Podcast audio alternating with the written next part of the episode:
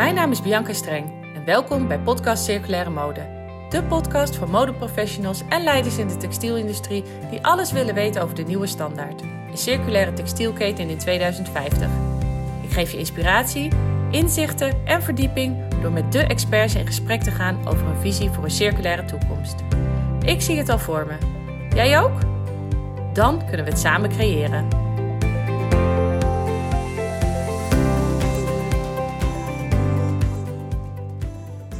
Ondernemer en innovator Bart Westerman te gast. Of eigenlijk, eh, Bart, ben ik te gast bij jou. Bij jou op je bedrijf in de Houthavens in Amsterdam.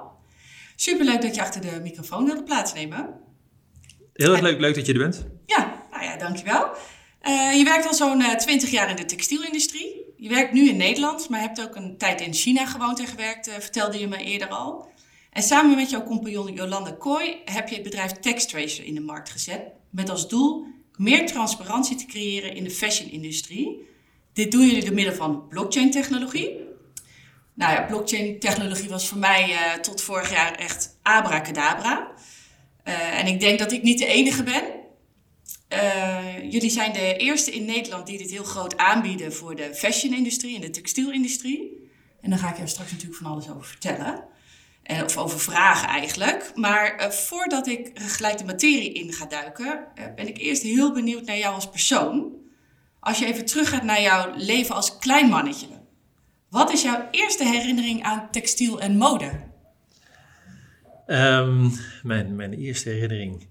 Uh, nou, ik ben, ik ben opgegroeid in een, uh, in een uh, nou, textielgezin. mijn vader had een, een breimodefabriek. Dus we hadden een fabriek met, met breimachines waar ik...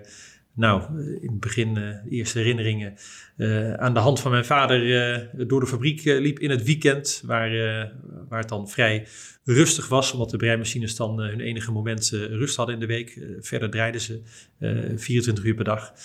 Um, uh, dus ja, dat zijn, dat zijn echt de allereerste herinneringen. Ja, verder heb ik daar uh, gespeeld als kind uh, vanaf de, de, de bergen snij, snijafval. Dus zeg maar de ja, kleding, kledinghopen. en heb ik daar nou mijn eerste baan. toen ik 12 was mocht ik meehelpen in, in de zaak. En eigenlijk alle facetten van de zaak door de breierij heen naar het magazijn en naar kantoor mee, mee mogen maken. Mooi, heel waardevol, denk ik. Um, en wist je van jongs af aan al dat jij later in deze branche zou gaan werken? Um, uh, nee, nee, ik zou zeggen, ik heb, ik heb wel een, een zus die dat uh, van heel klein af aan uh, heeft, heeft aangegeven dat ze dat wilde. Ik, ik had zelf niet direct die ambitie. ik ben eigenlijk ja, later, later per toeval ingerold. Oké. Okay. En nou ja, ik zei het net al, hè, je werkt al een heel, hele tijd in de textielindustrie. Um, een aantal jaar geleden heb je Textracer opgezet. Wat is jouw why? Waarom heb jij uh, dit opgezet? Um, nou, dan moet ik, moet ik denk ik een klein stukje uh, terug uh, in de tijd. Als ik kijk waar ik ben begonnen. Ik ben inderdaad na mijn studie naar China ver, verhuisd. daar heb ik eerst voor, voor meneer Kaan gewerkt. Voor, voor modeketen Coolcat en American Today. Op zijn inkoopkantoor daar. Uh, daar, daarna ben ik naar een fabrikant uh, verhuisd in, in China, een paar uur buiten Shanghai. Um, en heb ik eigenlijk ja, vijf jaar gewoond en gewerkt in, in, in China. Ben ik daarna teruggekomen naar, naar Nederland. en voor mezelf begonnen. Um, een kledingimportbedrijf opgezet. en eigenlijk ja, in die periode heel veel gewerkt, ook voor de fast fashion industrie. eigenlijk iets wat, wat ja, steeds meer begon te knagen. Uh, want ja, we zien, uh, we zien allemaal de Netflix-documentaires en alles wat er, uh, wat er mis is in de, in de kledingindustrie en hoe vervuilend het is. Dus dat, ja, daar draag je wel aan bij. Dus dat, ja, zeker met het, met het cliché dat, dat je beeld op de wereld, of je kijk op de wereld verandert als je kinderen krijgt. nou, ik heb zelf een jong gezin. dan, ehm, ja, dan, dan vreet dat aan je en dan wil je, daar wat, dan wil je wat anders gaan doen. En het liefste iets om, dat, om dat te verbeteren. Dus uh, uh, ja, dat was eigenlijk het moment uh, ja, om niet langer onderdeel van het probleem te, te zijn, maar te gaan zoeken naar een oplossing. Heel herkenbaar. Ehm, jullie ehm, willen transparantie creëren in de, in de keten. Maar wanneer is een bedrijf transparant volgens jou? Um, Nou, transparant, dat, dat wordt inderdaad nogal, nogal wijd gebruikt, die, die term. Um, ik denk dat als jij um, uh, informatie opvraagt uit je keten, jouw, leveranciers vraagt waar ze hun spullen vandaan halen en die informatie deelt met, met iemand, uh, dat is wel een vorm van transparantie, maar daarbij geloof je wel die mensen op hun blauwe ogen. Dus je hebt geen enige of geen, geen zekerheid dat die data ook klopt. Dus voor mij betekent transparantie dat je ook de data die je vraagt ook verifieert. Um, en uh, nou, wij doen dat door middel van technologie. Uh, er zijn ook andere, andere manieren voor uh, door mensen, nou, inspecteurs naar fabrieken te sturen. dat kan alleen niet op grote schaal. Je kan niet voor elke order, voor elk stuk dat doen. Dus je moet dat opvangen met, met technologie. Dus ik denk dat, ehm, ja, als dat antwoord is op je, op je vraag, um, wat, wat, houdt, wat houdt transparantie in? ik denk dat dat uh, dat dat de komende jaren uh, gaat veranderen. En dat we steeds meer toegaan naar echt ge geverifieerde transparantie. Ja. ja, want transparantie op basis van, van feiten, van, van data, is eigenlijk nog lang niet bij elk modebedrijf uh, een thema. wat je zegt, het gaat vaak op basis van lange relaties, op vertrouwen. En, en dat is denk ik ook heel erg mooi en heel belangrijk. Maar kan je uitleggen wat, wat TextTracer precies doet? Nou, wat, wat wij doen is, uh, wij eh, faciliteren eigenlijk door middel van, van software, um, bieden wij de mogelijkheid om textielwaardeketens in, in kaart te brengen. Um, waar mogelijk vanaf katoenveld tot aan winkelvloer. dat doen we door middel van, van blockchain technologie, heb je net al, noemde je net al even. nou, daar dus kan ik zo meteen nog wat, wat meer over vertellen. Um, wat eigenlijk belangrijk is, dat, dat, dat een eh, een merk inzichtelijk krijgt in waar ze nu staan. Dus uh, we weten allemaal dat er misstanden zijn in onze industrie. Daar heeft iedereen uh, heeft daarmee te maken. Het is ook niet een vraag van ik wil laten zien hoe duurzaam ik bezig ben. Het is meer ik wil weten waar ik al geheel als bedrijf sta. En uh, we weten dat, uh, uh, dat, dat er hele mooie initiatieven zijn. nou, organic cotton, dat, dat hoor je ook steeds, steeds vaker. maar dat zijn nog maar hele kleine stukjes van die, van die industrie. Dus daar moet nog veel mee gebeuren. Um, dus om verandering teweeg te kunnen brengen, moet je weten waar je, kan, waar je staat, zodat je een stappenplan kan maken om, om te verduurzamen. Ja, nou ja, persoonlijk stond ik uh, voorheen vrij sceptisch tegenover blockchain-technologie. Ook meer vanuit onwetendheid, denk ik. Want in mijn ogen kon je hier toch wel echt wel mee sjoemelen. Um, maar goed, hoe cover je de, de betrouwbaar dan, betrouwbaarheid dan van de, van de blockchain? Um, nou, blockchain is een, is een relatief nieuw begrip. Veel mensen die hebben er al iets over gehoord. Um, waarschijnlijk uh, door uh, de cryptocurrency, uh, bitcoin. Um, je hebt verschillende toepassingen van, van blockchain. heel grof gezegd zijn er twee soorten. eentje is een public blockchain. die wordt gebruikt voor, voor die cryptocurrencies. En de andere is een private blockchain. die is eigenlijk op uitnodigingsbasis. Dus daarvoor moet je een account aanmaken op een platform bijvoorbeeld. zoals, die, zoals bij ons. En alle gebruikers van het platform vormen dan samen onderdeel van die, van die blockchain. Um, ja, hoe, hoe cover je die betrouwbaarheid? Uh, voor ons is de blockchain eigenlijk een onveranderlijke database. Wij willen dat alles wat wordt opgeslagen, alle claims die worden gemaakt door, door gebruikers uh, in die supply chain, uh, dat die onveranderlijk zijn. ze kunnen een fout maken, ze kunnen data toevoegen, dat ernaast zeggen en zeggen, nou, dat voorgaande klopt niet, dit klopt wel. maar we kunnen altijd alle claims die gemaakt zijn terugherleiden naar de gebruiker die, die hem heeft gemaakt. Ja, dus ze kunnen nooit iets wissen wat ze in een eerder stadium hebben ingevoerd. Correct. Dat is, uh, dat is de, de, de grootste, uh, ja, voor ons de manier waarop wij, uh, waarop wij blockchain gebruiken. Ja, oké. En ehm, nou ja, dit, dit, als je dit zo zou horen, zou je misschien denken van, nou ja, ik, ik kan mij eigenlijk via de blockchain ook laten zien hoe, hoe goed wij al bezig zijn als, als bedrijf. Maar er zijn natuurlijk ook genoeg bedrijven die uh, misschien nog een beetje worstelen met het vraagstuk transparantie. Hoe kunnen we dat voor elkaar krijgen? Of die zich nog, zichzelf nog niet ver genoeg vinden. Moet je per se al heel duurzaam zijn als bedrijf om blockchain uh, ja, te integreren binnen je bedrijf? Nou, in eerste instantie niet. Uh, blockchain is nogmaals, is, is een, ons platform is gebouwd op blockchain, dus we gebruiken dat als, als, als middel. Um, maar je hoeft daar niet per definitie uh, duurzaam voor te, voor te zijn. Uh, sterker, uh, wij, wij doen geen waardeoordeel over waar iemand staat als organisatie. Het gaat erom dat je in kaart krijgt waar sta je nu. Um, en dat je dat voor intern gebruik eerst eventjes helder hebt en dus dat stappenplan kan maken wat ik, wat ik net noemde. Um, blockchain is eigenlijk, ja, we zitten nu op, er wordt veel gesproken over, over wet en regelgeving voor, voor de industrie. in Scandinavië is dat er al, in Duitsland is dat er ook. Um, dus het gaat niet meer alleen om transparant zijn over die keten, maar je moet ook geverifieerde transparantie hebben. Je moet ook uh, de data hard kunnen maken. Je kan niet maar zo roepen, uh, uh, zoveel procent van onze collectie is duurzaam gemaakt. Want wat is duurzaam? Is dat organic cotton? Is dat BCI cotton? Er zijn verschillende labels, certificeringen. je komt er niet meer mee weg. Je moet hard maken als je dat soort dingen roept. Dus dat, moet je, dat moet je onderbouwen. en onderbouwen kan je, kan je dat alleen als je geverifieerde data hebt. En die, die brengen wij graag in kaart. Ja, precies. Dus de wet en regelgeving die eraan gaat komen, uh, die vereist dat als het ware ook. Ja, zeker. Oké. Okay. Ehm, ja, iedere ondernemer heeft zo zijn eigen uitdagingen. Vandaag uh, spreken we dan over transparantie. Dat is, dat is ook een uitdaging. welke uitdagingen ben jij onderweg tegengekomen of, of heb je nog steeds? Dit kan ja, dit kan naar boven komen als je je, je keten inzichtelijk maakt bijvoorbeeld. Maar in het geval van TextTracer, wat is dan uh, de uitdaging geweest? Um, dan, dan, ga ik weer een, weer een stukje verder terug, uh, eigenlijk naar het, naar het begin.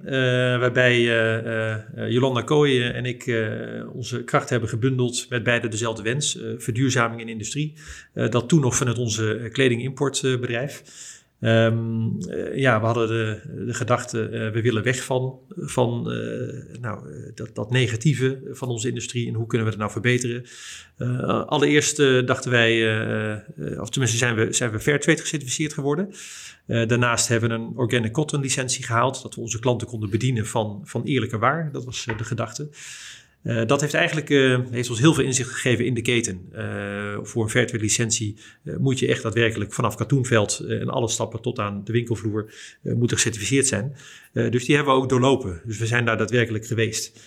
Um, toen dachten we eigenlijk, nou, als je wat je hier allemaal ziet, dit, dit moet je, als je het hebt over transparantie, dit moet je kunnen delen met, met nou, niet direct met een consument, maar met andere stakeholders in je, in je bedrijf. Dus uh, toen zijn we eigenlijk een, uh, een, een, een, een, app gaan bouwen om dus uh, onze klanten te kunnen voorzien van al die informatie. en toen, toen we eigenlijk daarmee bezig waren, toen wisten we al vrij snel, nou, dit, is, dit, dit kan veel groter worden. Dit moeten we niet alleen voor onze klanten neerzetten, maar ook industriebreed neer gaan zetten. Dus toen zijn we gaan, ja, gaan, gaan bouwen eigenlijk, of het uittekenen van het platform zoals het nu staat. Maar goed, we hebben geen IT-achtergrond. Dus hoe, hoe doe je dat dan? Uh, waar begin je? Dus uh, op zoek gegaan naar een, uh, naar een IT-partner. in eerste instantie bij een Nederlandse partner uitgekomen. Die heeft nou, de designs gedaan in het begin. en ook het, de basis van het platform neergezet. maar al vrij snel wisten we, ja, we willen dataverificatie gaan doen. blockchain is daar voor ons heel interessant. Maar vier jaar geleden was blockchain nog, uh, stond nog in zijn kinderschoenen uh, op gebied van, uh, van supply chain toepassingen. Dus hoe vind je nou mensen die daarmee kunnen helpen? zo zijn we via via eigenlijk bij, bij onze, onze huidige techpartner Fujitsu uitgekomen. Dat is een Japans bedrijf. Die hebben hun blockchain innovatiecenter in, in Brussel zitten. daar werken wij heel nauw mee samen.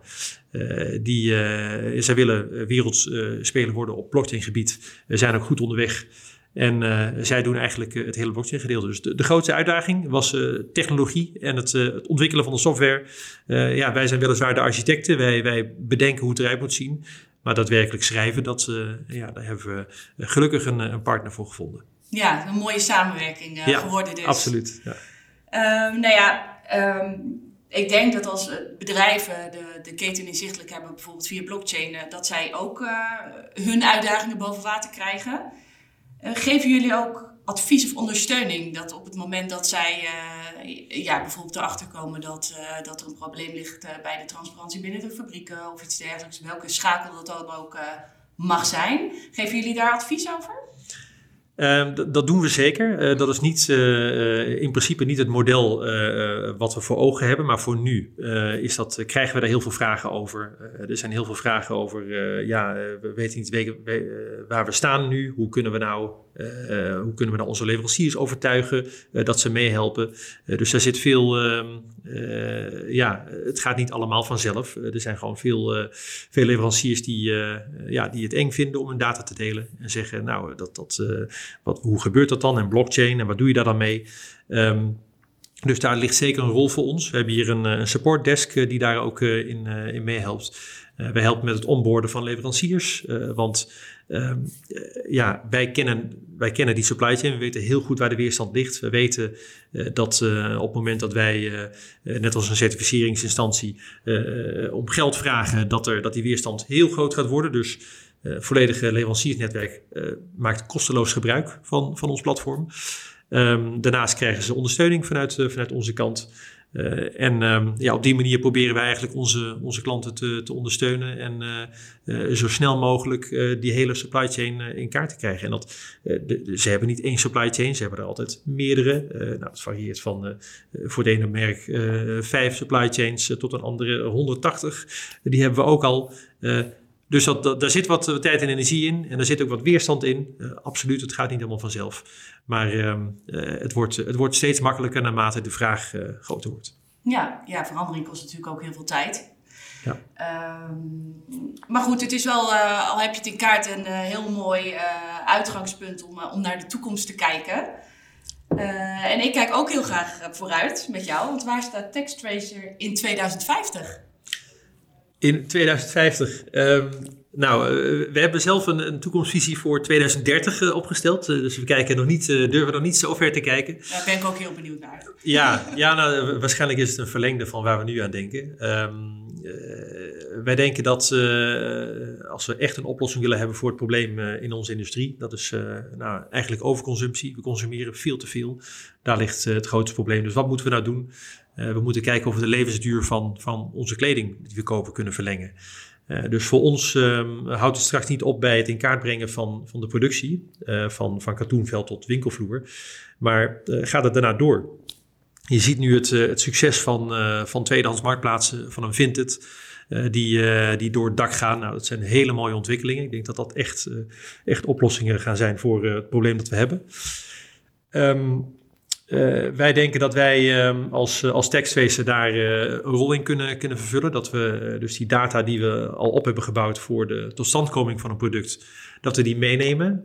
en dat daarna ook een, een consument, nou, die, die, koopt een kledingstuk, um, is er na een tijd weer toe aan iets nieuws, um, wil het op Vinted zetten, dat ze ook data kunnen toevoegen. Dat ze ook eigenlijk mee kunnen helpen aan dat productpaspoort. dat dat niet eindig is, maar dat, die, uh, dat we dat leven, die levensduur kunnen blijven volgen. En dat kan ook zijn uh, als er een, een, gat in die broek zit, dan nou, zoek de dichtstbijzijnde kleermaker, laat hem maken en, en ga weer verder. Dat, ik denk dat daar heel veel in, in gaat gebeuren de komende jaren. En daar hopen wij ook een, een rol in, in te gaan spelen. Nou, supermooi. Fantastische ambities. het geeft ook weer meer een verhaal aan een kledingstuk. Hè. Dat zijn we eigenlijk ook wel een beetje kwijtgeraakt uh, onderweg. Nou Bart, ik wil jou ontzettend bedanken voor jouw uh, ondernemingsverhaal, dat je dat met mij wilde delen. En uiteraard hoop ik dat de luisteraars hierdoor geïnspireerd zijn geraakt. En nieuwe handvaten hebben gekregen om transparantie binnen de keten inzichtelijk te krijgen. Dan heb ik nu nog één laatste vraag aan jou en daar uh, zou ik mee af willen sluiten. Wat zou je de luisteraars mee willen geven, de luisteraars die werken aan de duurzame transitie? Um, dat, dat uh, uh, ja. Ja, duurzaamheid, zoals net al gezegd, er, zijn heel veel, er is heel veel mis in, de industrie. Dus je kan, niet, je kan niet in één keer duurzaam zijn. Dat is een transitieperiode. wat we vaak zien um, of horen van, van, van mensen is, ja, maar die, die transitie en dat, dat, dat transparant te maken, daar zijn wij nog niet klaar voor. Um, dat is, een, dat is een foute gedachte. Je moet juist daar nu uh, mee bezig zijn. Uh, niet met de gedachte om dat gelijk te, te, te, communiceren met de consument. Um, Maar ehm, eh, om voor jezelf helder te hebben, waar staan wij nu als bedrijf? dan kunnen we ja, met, met, die, met die inzichten die we dan krijgen, kunnen we keuzes maken en, en beginnen aan die transitie. Dus dat, ik zou zeggen, begin nu. maak een, doe een nulmeting, weet waar je staat en maak op basis daarvan een plan. Nou, niks meer aan toe te voegen. Hartstikke bedankt Bart voor je tijd. Jij ook bedankt Bianca. Bedankt voor het luisteren. Hopelijk heeft het je geïnspireerd of nieuwe inzichten gegeven. Benieuwd naar het verhaal van de volgende Gamechanger? Abonneer je dan op dit kanaal. Ook kan je me volgen op Instagram, Bianca Streng, of connecten via LinkedIn.